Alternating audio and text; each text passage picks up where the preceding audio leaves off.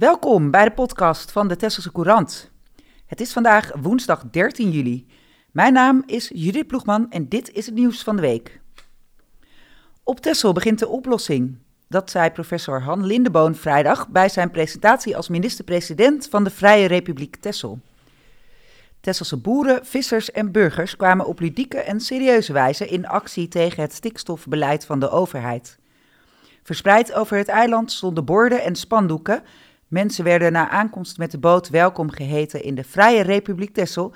En bij Den Burg stonden grensposten waar pamfletten en Tesselse paspoorten werden uitgedeeld. Professor Lindeboom presenteerde in een toespraak diverse opties om het stikstofprobleem aan te pakken. De pijn zit volgens hem in het gegeven dat het RIVM ammoniak uit zee heeft meegerekend als stikstof die op het land neerslaat. Maar dat klopt niet. Er komt geen stikstof uit zee, zei hij. Smiddags had Lindeboom een ontmoeting met Kamerlicht Pieter Omtzigt, die een werkbezoek bracht aan de familie Witte van boerderij Julia en de familie van Exel van Lou Christie. Omtzigt vroeg recent in de Tweede Kamer ook al aandacht voor de bijzondere positie van de Waddeneilanden en de Hollandse kust. Tessel vangt op het moment zo'n 130 mensen op die de oorlog in de Oekraïne zijn ontvlucht. Iets meer dan 100 van hen verblijven op de hotelboot in Oude Schild. Op camping De Driehoek zitten 17 Oekraïners en bij particulieren nog eens vier. Minstens 30 Oekraïners zijn volgens het college inmiddels aan het werk met flexibele contracten. De jongste kinderen volgen onderwijs op de Bruinvis, de ouderen op Oostgede Hoogberg. Hun situatie is omgeven met onzekerheid. Dat komt door de vraag of ze moeten blijven of teruggaan.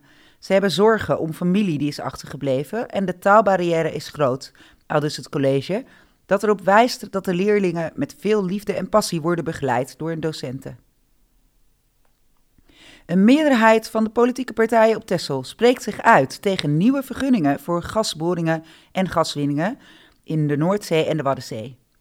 Dat staat in een motie van PvdA, GroenLinks, Hart voor Texel, CDA en D66, die vanavond, woensdag, tijdens de raadsvergadering wordt ingediend.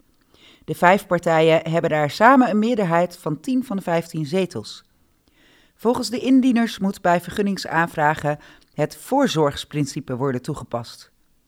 Zolang er onzekerheid bestaat over mogelijke schade en effecten op de Waddeneilanden en hun directe omgeving, mogen er geen nieuwe vergunningen worden afgegeven. Directe aanleiding is het plan van het Rijk om ruim 19 kilometer ten noorden van Schiermonnikoog en Borkum een productieplatform te realiseren waar eind 2024 gas gewonnen zou moeten worden. De Duitse deelstaat neder was een jaar geleden nog tegen, maar werkt sinds het begin van de oorlog in Oekraïne aan een versnelde procedure. De vergunningen van het Nederlandse deel van de boringen liggen volgens het Rijk sinds begin juni online ter inzage. De nieuw voorgenomen gasboring op de Noordzee leidde vorige maand al tot een open brief van meer dan 400 hoogleraren en wetenschappers, van wie velen van het NIOS, die zich openlijk uitspreken tegen nieuwe gasboringen op zee.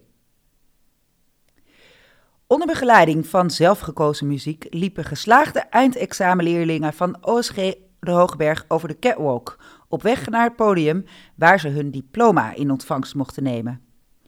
Dat gebeurde woensdag en donderdagavond in evenementenhaal uh, De Krim, die speciaal voor de gelegenheid in tropische sferen was gehuld.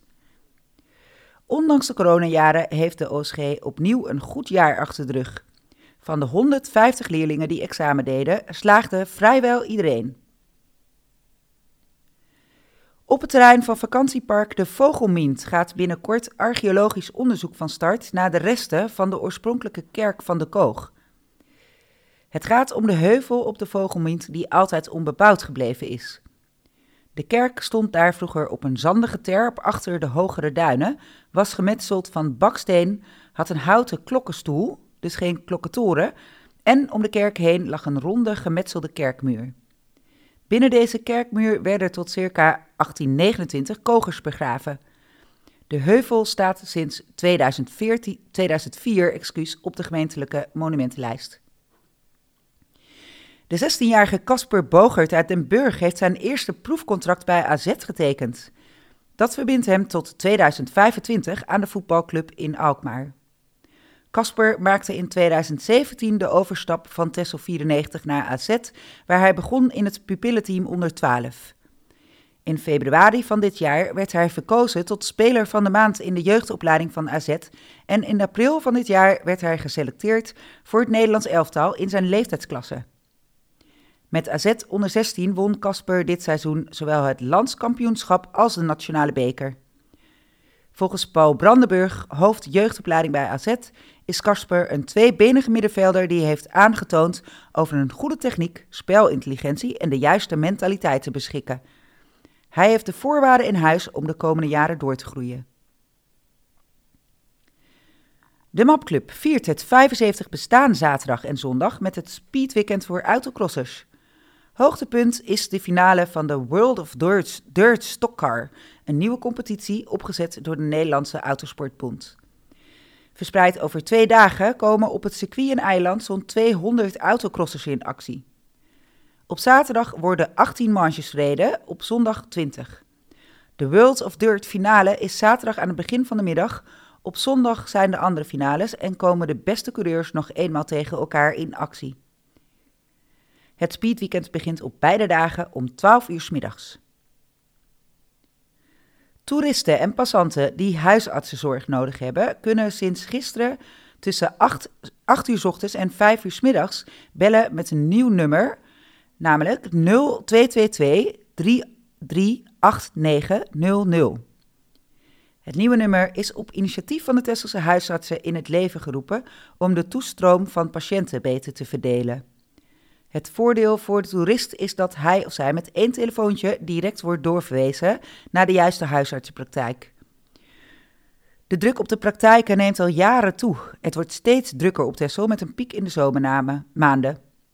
Voor de avond, de nacht, het weekend en de feestdagen blijft het centrale nummer van huisartsenpost van kracht.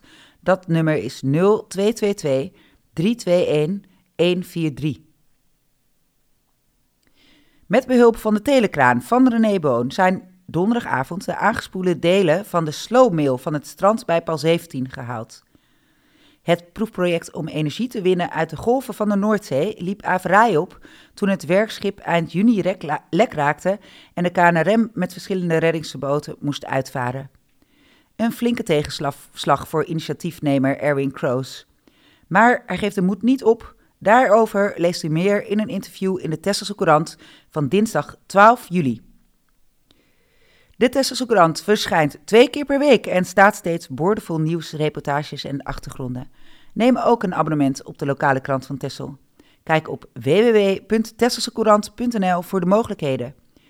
Bellen kan natuurlijk ook tijdens kantooruren op nummer 0222 362 600.